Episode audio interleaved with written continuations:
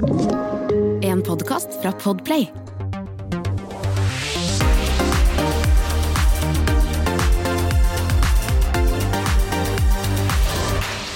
Eh, Hun er fra Jessheim, 18 år gammel, og er allerede på alles eh, lepper. Velkommen, Emma Steinbakken. Tusen hjertelig takk. Føler du at du kjenner deg igjen i introduksjoner du hører om deg selv? Ehm, eh, noen ganger. ja, men ikke alltid. Nei, ikke nødvendigvis alltid, men eh, noen ganger. Det har i hvert fall i det siste vært veldig mye hyggelig, da. Ja, Så ja. Og det er jo bra. Ja. For du har jo vært en av de som det har blitt snakket om eh, i musikkmiljøet i hvert fall veldig, veldig lenge. Og mye skjedde vel etter at du gjorde en eh, konsert på Bylarm? Stemmer. Ja. Det var liksom da det skjedde. Ja. Det var da det begynte. Og- Så ja. Hvordan opplevde du det? Nei, altså for å være helt ærlig, så, så gikk ting veldig fort. Og jeg ante ikke hva jeg kunne forvente. Um, og jeg visste ikke hvordan dette her funket i det hele tatt. Så det ble Det, det var jo overveldende. Men um, samtidig, altså Skal jo ikke klage, det var jo bare masse kjærlighet. Så det var jo veldig hyggelig og fint også. For de som ikke er helt sikre på akkurat eh, hva slags musikk det er du lager, så skal vi høre litt av Not Gonna Cry.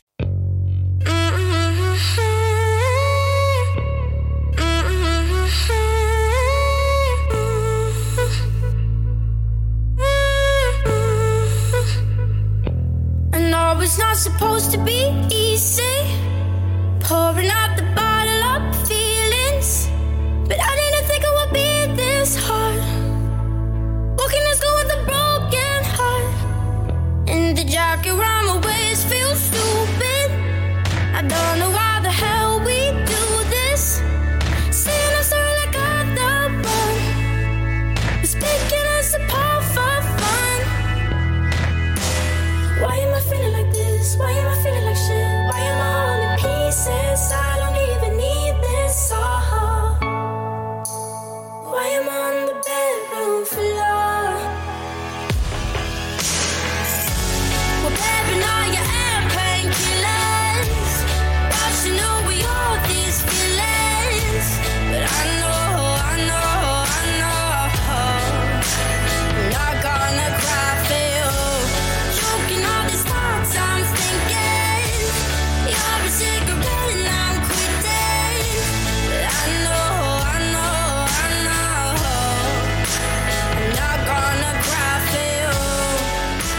Dette var da Not Gonna Cry, eh, Emma. Nesten eh, 22 millioner eh, streams i går, så jeg. Ja, herregud, det er jo helt sinnssykt. Det er litt av en start på karrieren. Ja, virkelig. Og det var lenge siden jeg hadde hørt den, eh, hørt den sånn. Hvordan er det når du hører den eh, sånn nå? Nei, altså Nå er det jo veldig altså, Jeg hører den jo ofte i og med at vi spiller den live, Mm. og har gjort det mye i det siste. Men jeg har ikke hørt den sånn. Altså rett fra Spotty, da. På veldig lenge.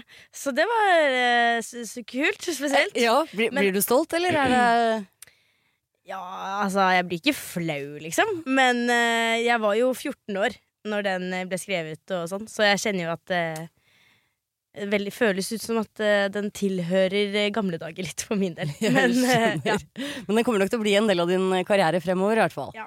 Som du nevnte, altså, du var eh, 14 år da du ble oppdaget. Mm. Uh, og så vidt jeg har skjønt, så er det, det er en litt spesiell historie. Ja, det vil jeg si. Det er ikke så ofte jeg hører den varianten der. Nei, Nei? eh, jeg eh, Altså, lang historie kort. Jeg har alltid vært veldig utadvendt, likt å showe, likt oppmerksomhet, elsket å synge hele livet. Um, har gått litt på dansing, litt sånn her. prøvde teater eh, et år da jeg var ganske ung. Syntes det var helt ok. Og så skulle jeg være med min venninne på audition til musikalen Annie på Jessheim. Det var ganske sånn stor oppsetning. Altså, det var veldig mange på audition, og ja, big deal.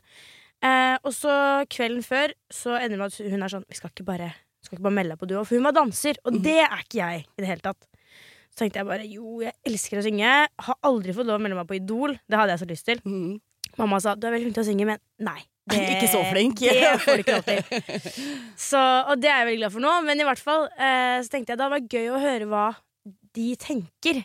Ehm, om min stemme, og Mm. bare om jeg hadde passet dette musikalgreiene. For å være den ærlig, da var jeg veldig skeptisk til hele teatergreia. Og musikkbransjen og ja, alt. Ja. Altså, eller, jeg hadde liksom ikke tenkt så langt at jeg skulle bli artist. Jeg tror at når jeg var sånn typ 8-9, så hadde jeg kjempelyst til å bli popstjerne. Mm. Eh, men det ville alle andre jeg kjente også. Så, liksom, så blir du litt eldre. Jeg begynte å spille fotball, syntes det var gøy. Og så tenker du at vet du hva, la oss være realistiske. Alle andre jeg kjenner har lyst til å bli popstjerner. Det blir man ikke. Det er i hvert fall vanskelig å få til. Ja, og jeg bare tenkte det, sånn er, det er bare en sånn drøm man har. Mm. Um, så jeg la det litt fra meg. Da, men så tenkte jeg ja, det er gøy å prøve seg på disse musikalgreiene. Så dro jeg på audition, sang en sang, eh, tok noen replikker, og så sa de ikke så mye. Men jeg fikk komme til neste audition, og så ender dette med at eh, jeg ble tilbudt rollen som Annie. Ja. Eh, og det var jo Altså jeg husker at når jeg etter audition så var jeg bare sånn Det hadde vært kult å være med, jeg bare håper ikke at det blir et tre, liksom. At jeg kan få en rolle hvor man syns litt, da. Ja. Forventa overhodet ikke hovedrollen, men så klart takket jeg jo av til det. Og det er det morsomste jeg har gjort i hele mitt liv. ja, det kan jeg godt tenke meg. Det er jo en forestilling som vel alle har vokst opp med og har et forhold til. Ja, Så det var ordentlig ordentlig stas, og da fikk jeg jo skikkelig smaken av å stå på scenen og sånne ting. Mm. Um, og så da tilfeldigvis i den tidsperioden så møtte jeg en mann som heter Guttorm Rå. Da var han sjefen i Warner. Mm. Eh, og jeg møtte han på sånn familieselskap. Ja, det, han fortalte det, skjønner du. Ja, at, eh, grillfest. Mm. I hagen til eh, eh, moren til min onkel. Mm. Eh, og så sang jeg en sang, men altså, da visste jeg ikke at Guttorm var der, eller hvem han var i det hele tatt. Men jeg sang en Adele-sang, bare fordi det syntes jeg var gøy. Litt Mhm. oppmerksomhet. Ja, ja, ja. Eh, da var jeg 13 eller noe. 13-14. Og så etterpå så fikk jeg høre han der er sjefen i Warner. Og jeg tenkte overhodet ikke på at han kunne gjøre meg noe, egentlig. Nei. Men det var så kult å prate med han, for Mm. at han kjente jo alle jeg hørte på. Og jeg har vært veldig opptatt av musikk lenge. Mm. Så husker jeg at jeg tenkte sånn, han må bare få i seg noe øl til, og så går jeg prater med han. jeg. God strategi. Ja, ja, ja. Så, så det gjorde jeg. Så satt jeg meg ved siden av han, så husker jeg sa er det du som jobber i Warner? Mm. Og så gjorde han jo det. Vi satt og prata lenge og syntes det var skikkelig kult. Og så har har han noen barn som er litt yngre enn meg. Mm. Så tenkte jeg vi må holde opp denne kontakten, for han ga meg sånn gratis konsertbilletter. Og det var Lur venn å ha dette her, altså. Så tenkte jeg han må ikke glemme meg. eh, så da inviterte jeg han og barna på Annie. Mm. Eh, og da skjedde det det sykeste. Altså. Mm. Da spurte han om han hadde lyst til å komme inn i studio og prøve det. Mm. Og det var virkelig ikke noe jeg hadde sett for meg. Så det var jo kjempekult. Og da dro vi, og så skrev vi Nå skal du cry. Og det er altså den lille tilfeldigheten med den grillfesten, det, det gjør at du er der du er eh, Ja. i dag. Altså, Det det er helt crazy. ja, det er helt sprøtt. Men det som, er, eh, som jeg også har hørt, at du, du var liksom veldig fascinert av musikkbransjen. Eh, Mm. på et vis. Kan du huske hva det var du var fascinert Altså, det er jo det her med, med Altså for meg artister, men det Mm. er jo det vi har jo Vi er jo veldig opptatt av hva kjendiser driver med. mm. Eh, og så har jeg alltid hatt skikkelig lidenskap for musikk. Mm. Eh, men jeg har jo aldri kjent noen i bransjen. Jeg har jo ikke kjent noen som har drevet med musikk på et sånt nivå. Så det var jo, det var jo en helt ny egen verden for, for meg, da. Um, så jeg syns jo bare det var ekstremt spennende. Jeg husker jeg, jeg fikk komme på kontoret til Guttorm, og så fikk jeg liksom merch. Altså Det var så stas. Og jeg husker jeg var sånn derre Hvordan føles det å få være med å oppfylle folks drømmer, liksom? Det, det var så spennende, da. Mm. Syns jo virkelig det. Og jeg hadde jo, hadde jo drømt om å drive med musikk selv. Mm. Eh, så Nei, jeg vet ikke. Det var, det var som å leve i en film en liten periode der, altså. Og, og det er det kanskje fortsatt, eller? Er, Ja, det er det for fortsatt mange litt i armen? Eh, det, har, det blir jo mer og mer jobb. Man Mm, merker jo det. mm. Eh, men eh, jeg er jo verdens heldigste, føler jeg. Mm. Ja. Og så er det jo ikke nok altså, Du har jo blitt sammenlignet med blant annet Sara Larsson. Ja. Det er ikke noe dårlig Det sammenligning, Nei, det. det er ikke noe dårlig sammenligning. Altså. Det er det overhodet ikke. Nei. Men hva- når du liksom har holdt på nå i eh, Det begynner jo allerede å bli noen år. Ja, Og, og du er 18 år. Jeg har, har, mener jeg har lest et sted at du skulle ønske du var eldre. Ja, altså nå føler jeg det har kommet til den alderen hvor, hvor jeg har begynt å liksom Det blir teit å si at jeg har begynt å akseptere hvor gammel jeg er, men jeg har alltid Eller alltid. Når jeg gikk på barneskolen de siste årene, og også ungdomsskolen, egentlig, så følte jeg kanskje at jeg var et litt annet sted enn veldig mange andre rundt meg. Mm. Interesserte meg for andre ting. eh, Følte at jeg nesten tenkte litt på en annen måte på enkelte områder, da. Um, og ikke det at jeg er supersmart, eller noe sånt, men uh, eh, alltid sett på de, de store jentene og tenkt sånn Faen, det er den gjengen jeg skulle vært i. Ja. Så jeg tror bare sånn derre Og jeg, ha, jeg hadde jo lyst til å flytte ut da jeg var 15. mm. Så jeg har liksom følt at jeg har vært litt, litt eh, for, for, foran på noen ja. ting. Men nå har jeg jo flyttet ut. Det gjorde jeg jo i januar, Mm. så det er en stund siden nå. Jeg har flyttet ut. Jeg eh, Også i en helt ny by. Mm. Var ikke så langt unna SM, men likevel. Nei, men jeg skjønner. Og liksom føler Ja, altså, så nå føler jeg at uh, Jeg vet ikke. Det er ikke så stor forskjell på om jeg hadde vært 18 eller 22 eller Altså whatever, liksom. Jeg driver med mine egne ting. Jeg jobber og går på skole og bor for meg selv og vasker klær og Gjør alle de tingene nå, som alle vi andre gjør. Ja, nå er det greit. Ja. Men det, også, det gikk jo liksom veldig slag eh, i slag for deg en periode der. Og så Mm. nevnte du at dere, dere spilte inn Not Gonna Cry, men så gjorde du vel også Du fikk vel også synge på en demo for Emilie Nicola? Det var det første. Altså, mm. guttene spurte vi å være med inn i studio, og så dro vi i studio til White Room Ja. Ja. Det i stemmer. Asker. Mm. Og det, jeg, det bare det syns jeg var kult. Mm. møte, ja. Da fikk jeg synge på en demo av Emilie Nicolas som ikke var ute. Mm. Um, og jeg husker jeg var jo så nervøs, og det høres jo ikke noe bra ut. Men uh, han så tydeligvis noe potensial, da. Så vi gjorde jo det først, og så etter det så spurte han Jeg kjenner noen gutter, Skinny Days, uh, og lurte på om jeg ville ta en session med de. Og det var da vi skrev Underground. Mm. Så jeg hadde jo vært i studio og spilt inn den sangen, men jeg hadde jo aldri på en måte vært med noen og skrevet musikk og så husker jeg var veldig spesiell. Guttene var alltid med meg i studio. Og Det ble, skikkelig på. det ble en liten pappa for deg. Ja. ja. mm. Du, eh, jeg tenkte vi skulle høre en annen låt som er eh, Den er jo litt eh, annerledes enn det du kanskje egentlig lager selv. Mm. Det er stor forskjell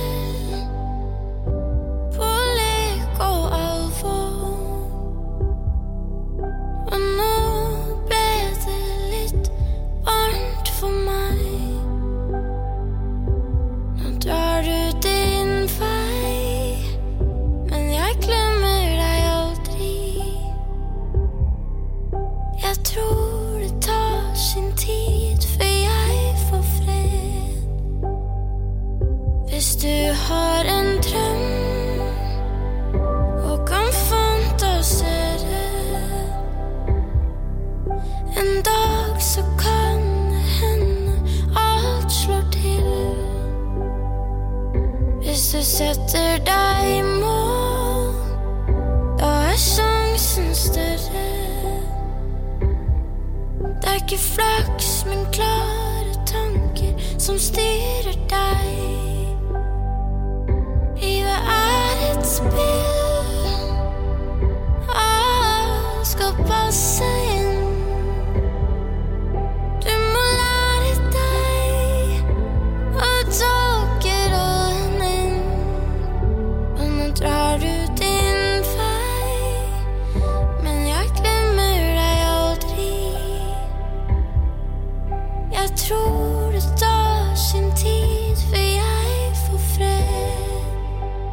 Det blir nesten for gærent å, å fade ut den uh, låta her.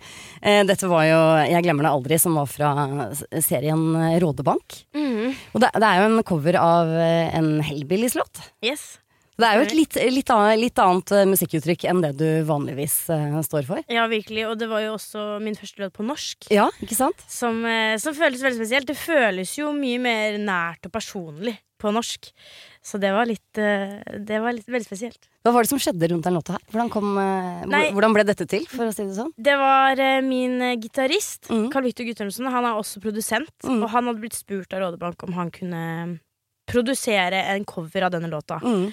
Em, og så spurte Carl Victor meg om jeg hadde lyst til å, å være med på det da, synge på den. Og altså, for å være helt ærlig, jeg er ikke en person som ser på TV-serier. Uh, I hvert fall da skal det være Da skal det være da, altså, det sånn der, folk, da har du snakket om den i to år. Mm, Og, altså, sånn, mm. ja, da kan jeg ta en titt, liksom. Så jeg hadde ikke sett på Rådebank, bare hørt masse fint om det. Eh, men så tenkte jeg ja, det kan vi gjøre. Så dro jeg i studio, og det var egentlig Jeg tror ikke I hvert fall jeg skjønte nok ikke helt eh, at det skulle liksom være til en så en trist scene og alt Mm, der her. mm. Så det var jo liksom Man kom liksom i studio, og vi spilte inn bare den Det var jo bare et vers og et refreng eller noe som var med Mm, først. mm. Og det var bare det vi spilte inn. Så tenkte vi supert, dette blir sikkert fint. Og så dro jeg hjem, og så kom det i serien. Jeg hadde egentlig ikke helt fått med meg når det skulle ut, men det merka man, for plutselig så tok det jo helt av i liksom innboksen på Instagram, Mm. og øh, jeg har jo ikke sett på maken. Nei, Så rett og var- slett. Så den traff en nerve Ja, hos folk. virkelig. Og det var jo Altså, tidligere så har man jo Jeg har jo opplevd at folk har sett meg meldinger og fortalt liksom hvorfor låtene mine kan bety noe for de, eller de har kobla historiene sine opp mot Mm. det og sånne ting, og det er jo utrolig stas. Mm. Men her var det på et nytt nivå. Mm. Ehm, og det var bare sånn Når kommer hele? Og vi hadde jo ikke forberedt noe hel lås. Vi, Nei, for det, det, det, var, den skulle jo ikke ut, Det Den skulle jo overhodet ikke ut. Det, var, det hadde vi ikke pratet om engang. Eh, og jeg var egentlig veldig sånn derre Norsk låt, det vil jeg ikke gi ut. Eh, men så følte jeg bare på at herregud, nå Folk vil jo ha den. Så tenkte vi Altså, og da mener jeg folk som i ja, et par hundre stykker, da. Mm, mm. Eh, så tenkte vi bare, vet du hva, vi slipper den. Og jeg vil egentlig ikke slippe norsk låt, så vi slipper den. Vi spiller inn hele, og så slipper vi den, og så er den der for de som vil høre den. Mm.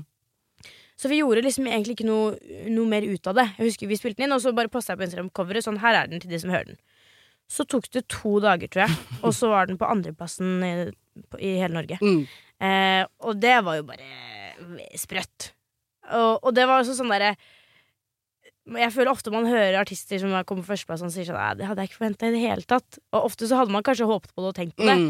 Men her var det faktisk ikke forventa, altså. I det hele tatt. Vi, Det var altså- egentlig ikke det du driver med, på en måte. nei overhodet ikke. Og det var sånn, det var, vi ville bare ha et lite, sånn, lite stille og forsiktig slipp der. Sånn. Ta mm. den dere som vil ha. Ja, ikke sant? Og så Ja. ikke tenk på den dere som ikke var så interessert. Nei. Ehm, så det var jo helt crazy. Jeg husker jeg var på skolen. Den kom jo først på andreplass. Mm. Og så husker jeg så på trikken i skolen, og så snakket jeg med noen i plasselskapet og så, var de, så spurte jeg sånn Tror du den går mye ned i dag? For det var jo så stas. Aldri hatt en låt på andreplass. Mm. Og da var de sånn Nei, tror ikke den går så mye ned, men vær forberedt på at den går jo ned, Mm. liksom. Og så tar det noen timer. Jeg hadde ikke rukket å sminke meg. Jeg tror jeg hadde på meg type en pysj på skolen der. Fordi dette, du, dette husker du godt, selvfølgelig. Ja, ja, Og det var bare sånn, jeg var så ufresh da den dagen. Eh, skulle jo bare på skolen, var trøtt og hele pakka. Og så plutselig så bare blir jeg bombardert med meldinger og blir ringt og kommentar hit og kommentar hit. Og da hadde hun jo fått førsteplassen. ja, ikke sant. Så du, eh, du, du gikk ikke ned, du gikk opp. Ja, Ja. Så det var jo kjempe, kjempe, kjempegøy. Min første reaksjon var dette er helt grusomt, fordi at jeg var ikke forberedt på det i det hele tatt. Og, og det kan jo føles litt sånn voldsomt. Mm, jeg skjønner det. Um, og så tror jeg også det var noe med at jeg følte meg så ufresh, og plutselig så føler du at hele Norge ser på deg. liksom Mm, mm. Så, mm, så det er min ærlige reaksjon. Ja, ja. Men jeg ser jo tilbake på det nå og tenker at det var jo et kjempestort øyeblikk for meg. Og kjempekul tid og helt sprøtt. Og fantastisk at så mange liksom følte seg truffet av den låta. Mm.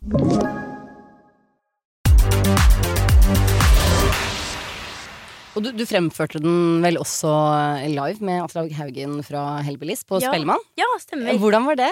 Det er jo liksom noen generasjoner som ja. møter hverandre. Det var så kult. Ja. Altså, han er jo så søt. Ja, fantastisk fyr. Og eh, jeg var jo forberedt på at vi For vi, vi dro i studio og liksom skulle lage en versjon sammen. En liveversjon. Og så var jeg veldig forberedt på at dette her er låta hans. Mm. Så nå skal jeg bare finne meg i hva det er en han vil ha. Jeg hadde jo, har jo veldig mye respekt for han og, og det han driver med. Mm. Eh, men han var helt Han tenkte på en måte kanskje det samme om meg, da, følte jeg. For han var helt sånn der Dette er din versjon. Mm. Så hvordan vil du ha det, liksom? Eh, og det også syns jeg var skikkelig stort. Føles som at han la dette i mine hender og stolte på Det er raust, da. bli- Ja, veldig. Ja. Um, og jeg har jo Jeg mistet min bestefar til kreft for noen år siden. Eh, og jeg kjente bare sånn den lille tiden jeg hadde med Aslak Altså, jeg følte at han var bestefar. Altså, Har, har du sagt til han at du føler at han var bestefaren din? Det, altså, det kan hende jeg har gjort. Og jeg bare, han er jo så søt, og han er litt sånn sassy da med det håret. Ja, ja. Nei, så det var veldig, veldig hyggelig, altså. ja. Mm. ja, nei, det er eh, Jeg skjønner jo at dette er liksom andre ting enn det, det du driver med nå. Eh, men men eh, jeg har jo skjønt at det er jo ikke bare vi her i Norge som er interessert i deg. Nei. Det, fi, det fins jo ganske mange ute i verden der som også er interessert i Ja, det deg. er noe, altså. Ja, for du har jo nå fått platekontrakt i Tyskland, Ja, Det stemmer. eh, med- og så har du jo også fått kontrakt i USA. Mm. eh, og England, så vidt jeg har forstått. Ja. Det er jo eh, litt av et hopp fra, fra Jessheim, det. Ja, det er det jo. Um, altså Det sprøeste var Det var jo på en måte den første platekontrakten jeg fikk. Altså Det kom jo rett etter Bylarm. Mm, Så jeg signa jo en kontrakt i Norge sammen med Guttorm. mm, Og så spilte vi på Bylarm, og da ble det liksom Tyskland, USA og England. Og liksom, så tror jeg det er sånn i Frankrike. Og så er det jo Mm. sånn når du er i Sony, så var det også i Sverige og Danmark. Altså, Ja, ja. Så for å være dønn ærlig, så tror jeg at jeg var 15 eller 14-15. Mm, mm. Eh, og jeg hadde jo ikke rukket å, å skjønne hva dette her var. Så folk drømmer jo om en sånn platekontrakt. Mm.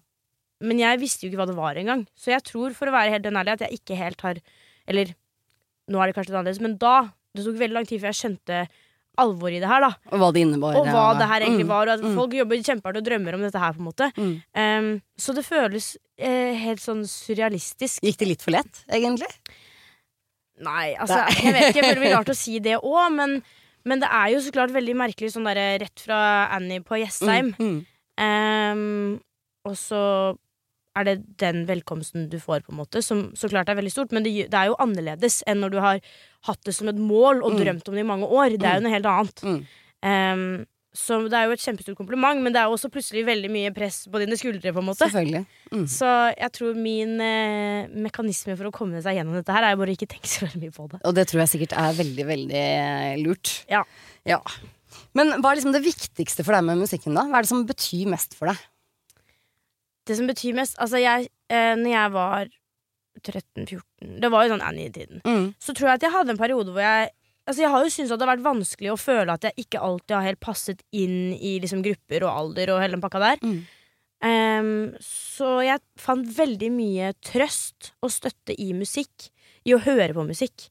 Eh, for da Jeg har alltid likt å skrive. Jeg skriver altså alt mulig rart, men mye poesi. Mm. Eh, og da begynte jeg også på den tiden så begynte jeg å lese poesi. Eh, det var da jeg liksom oppdaget det, og det var en, ble en kjempestor greie for meg. Um, og er virkelig med på å påvirke min låtskriving også. Masse. Mm. Um, så det å, å finne støtte og trøst i musikk, og, og poesi spesielt, Mm. Eh, har jo altså, har vært kjempeviktig og stor greie for meg. Så det å kunne få være med og, og kanskje gi det til andre, da. Mm. Prøve å, å være ærlig. Og jeg er jo veldig åpen og ærlig, og Mm. liker å, å holde det litt sånn ekte. Og syns det er morsomt å prate om hvordan livet egentlig funker. på en måte Mm. Så jeg er jo glad i å skrive om, eh, om mine ekte greier. Mm. Og det å da prøve på, hvert fall, å videreføre dette her med at andre kanskje kan føle det sånn jeg har følt det med musikk, det er det fineste jeg vet med Mm. hele musikken, og det er kjempeviktig for meg. Mm. Man må vel kanskje også ha litt eh, den uh, tankegangen, hvis man skal uh, Ja, få altså, det til. det er jo mange artister som også elsker å synge og er liksom mer som performer, Ja, ja. Og, og ikke nødvendigvis syns det kanskje er så viktig med teksten. Mm. Uh, og det er også helt greit, Mm. men det er min hovedgreie. Jeg vil heller skrive ærlige låter enn å stå på scenen, da, for Mm. å være den ærlig. Og danse. Ja. Som du ikke var så glad Ja, i. nei, ikke helt min greie. Men hvordan foregår den låtprosessen for deg, da? Når, når du skal skrive låt? For du, du skriver vel eh, Du skriver mye selv, og så skriver du sammen med andre. Ja. Hvordan er på en måte den prosessen der? Eh, nei, altså det er jo litt ulikt uh, selv hvem jeg jobber med, men jeg er også litt sånn i og med at det er ærlige, ekte ting, så er jeg heller ikke så fan av å hoppe rundt og jobbe med kjempemange forskjellige.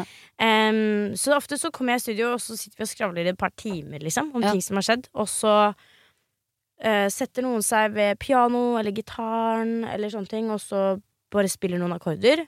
Helt vi finner noe som uh, gir deg en eller annen følelse eller en tanke om noe. Og ofte så kan jeg tenke at det der var sykt fint, nå fikk jeg vondt og tenkte på eksen min, eller whatever. ikke sant? Mm. Og så begynner man gjerne å skrive utover av det, da. Mm. Så det er ofte sånn der. Og så er jeg jo har jo skrevet Jeg har masse sånne små ideer på mobilen, men i og med at ikke jeg spiller noe instrument selv, eh, så er det jo vanskelig å skulle skrive en hel låt, på en måte. Um, ja. Men det er veldig gøy, for jeg merker at Altså jeg er blitt så mye bedre på å skrive musikk, og det er veldig veldig gøy. Mm. Fordi ja, I starten så var jeg sånn her, herregud, jeg, det går jo ikke. Jeg må ha noen andre her. Jeg kan bare fortelle hva jeg vil si, og så må de skrive det ned. Og det er så gøy å føle at man eh, kommer med bra ideer selv. Og fader, nå skrev jeg den låta her, den ble egentlig ganske fin. Ja, ikke sant? Du begynner å få litt kontroll på situasjonen. Ja. Og det blir sikkert mer og mer av det etter hvert eh, også. Ja, det får vi håpe. Du, jeg tenkte vi skulle høre litt grann, eh, mer, og da er det den låta her som står for tur. Show is ending, but I don't wanna stop. clocks are ticking. And even though you say you're not forgetting me, how can I be sure that you'll remember me? Ooh, early morning, flight is taking off, tears are boarding. Even though you say that this is everything.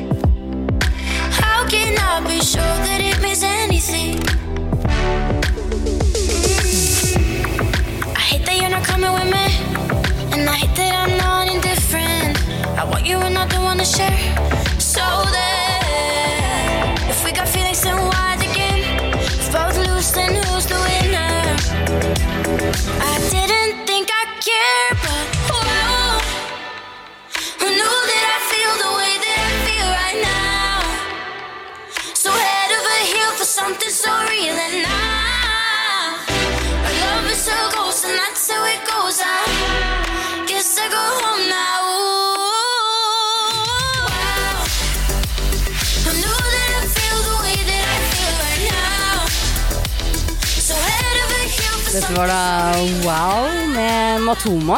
Yes.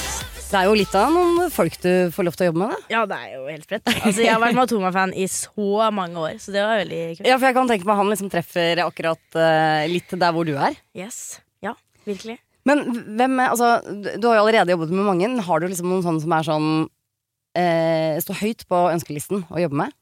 Oi. Um, ah, vanskelig, altså. Mhm. Men noen som var ekstra Nei, ekstra ekstra stas. Det var jo veldig veldig stas å få jobbe med Matoma, fordi Mm. at han genuint er en så sinnssykt bra fyr. Ofte så opplever jeg litt at Altså, Jeg er jo såpass ung i bransjen, så de fleste jeg jobber med, har jeg vokst opp med å høre på. Mm. Um, og da er det veldig spesielt, Fordi da har du en eller annen tanke om hvordan de er. Og det er jo typisk at man tenker at liksom, offentlige personer og artister og sånn i hvert fall kanskje spesielt artister lever et helt annet liv, og det er helt crazy. Og, ikke sant? Uh, så det å møte de og skjønne at de er Mennesker, de også? ganske vanlige mennesker, på en måte, Ja. kan være litt skuffende. Ja. Ehm, men jeg har vokst opp med å være helt sånn sykt Donkeyboy-fan. Ja. Eh, og jeg, til niårsdagen min så fikk jeg mamma og pappa gave. Gaven var å dra i studio. Et, det var et random studio, tror jeg, i Drammen. Og, og skulle spille inn to låter, da. Og dette var tilfeldigvis studio til Donkeyboy. Og det husker jeg, det var så kult. Og så spilte Donkeyboy på Jessheim-dagene mm. en gang. Og da dro jeg og noen venninner og pappa og så på de, og da husker jeg vi jeg tror vi brøyt oss inn et gjerde og møtte de litt bak scenen eh, for å kunne si hei og gi klem og hele pakka. da Så jeg har jo vært veldig fan av de. Eh, og jeg har en låt som heter Sorry, som er ganske ny, og den har jo de vært med å lage. ja, for det så jeg. Så i hvert fall Cato hadde vært med på den. Yes. yes. det, er, det, er, det er Rat City, da, men Ja. det er jo ja, Mm. en del av Donkeyboy. Eh, og det var kult, altså. Så, så du har på en måte allerede nådd den derre Ja, altså, jeg vet ikke om det nødvendigvis føles altså, det, var, i hvert fall veldig veldig stas. Og så Mm. er det så klart veldig mange andre man drømmer om å jobbe med. Og, og sånn Men det var eh, Det var kult, altså. Ja, det skjønner jeg veldig godt. Nå forstår jeg at nå om dagen så jobber du i Sverige. Ja, mye. Ja. Mm. Hva er liksom planene videre nå? Nei, det er jo å skrive mer musikk. Vi var, det, var liksom, det er ikke så lenge siden vi var litt sånn Ok, vi har jo masse låter som ikke er ute, men, men man vil jo ikke bare slippe ting for å slippe ting. Det må føles riktig, det må være bra nok, ikke minst. Mm. Um, og alt dette her så, Og det er litt kjip situasjon å sitte i sånn derre Nå har vi egentlig ikke noe som vi tenker at vi vil slippe. Mm. Fordi at da når du drar i studio, så kan det føles som at du må levere noe. Mm. Um, Og da blir det ikke like bra, kanskje? Nei. Nei. Man skal, det er altså, vel, i hvert fall for min del. Da, da føler jeg bare press, og Mm, blir det enda mm. dårligere. Så, men jeg har vært litt i Stockholm i det siste. Um, møtt litt nye folk, som jeg gjør ganske sjelden. Så nå var det på tide å, å teste det igjen. Og da møtte jeg hvert fall altså, to gjenger litt, da. Som jeg følte jeg klaffa så sykt bra med. Så da har jeg vært der noen ganger. Var der eh, på forrige mandag, faktisk. Mm. Um, og vi har skrevet masse nye låter. Så nå føler jeg vi har litt sånn lineup da, fremover. Så det føles kjempebra. Det må jo være inspirerende også å treffe ny, Ja, nye veldig. mennesker, sånn musikalsk sett. Og bare det å få reise til Stockholm igjen er jo helt eh, ja, og reise, ikke Ja, minst. ja, bare sette meg på fly. Det Ja, ja, er ja. skikkelig stas. For jeg har jo skjønt at det er jo en del av disse tingene som kanskje skulle skjedd litt før, men det har Ja. jo vært eh, korona i mellomtiden. Det har det. Ja. Så ja, altså jeg kjenner jeg er så glad for at jeg går på skole. Altså at jeg, jeg var så glad for at jeg gikk på skole under Mm. korona. Mm. Så jeg liksom hadde et sted å dra og i hvert fall noe å holde på med, på en måte, når det Mm. var helt lockdown. Men hva skjer videre nå, da? Nei, det er eh, Det er, Er det live? Er det Det er eh, litt live. Vi skal være med for Sara Larsson. Ja, ikke sant. Det er uh, to uker til, tror jeg. Det må jo være litt stas. Det er kjempestas. Ja. Herregud, i Spektrum. Ja. Det, blir, eh, det tror jeg blir veldig Ja. kult. Og så Det er vanskelig fordi eh, det er mye man ikke kan snakke om. det skjønner jeg. Så jeg er redd for å forsnakke meg litt her. Men det er jo i hvert fall Vi har eh, et veldig kult samarbeid Mm. eh, som kommer. Og så syns jeg at jeg har skrevet mye bra låter i det siste, da. Så det kommer litt av det også. Mm. Mm. Det blir veldig spennende å høre, og, og jeg gleder meg veldig til å følge deg videre. Så hyggelig. Lykke til videre, Emma Steinbakken, og takk for at du kom. Tusen takk. Takk for meg.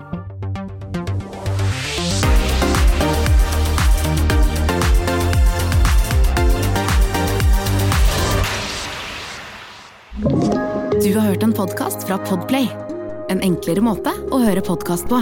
Last ned appen Podplay, eller se podplay.no.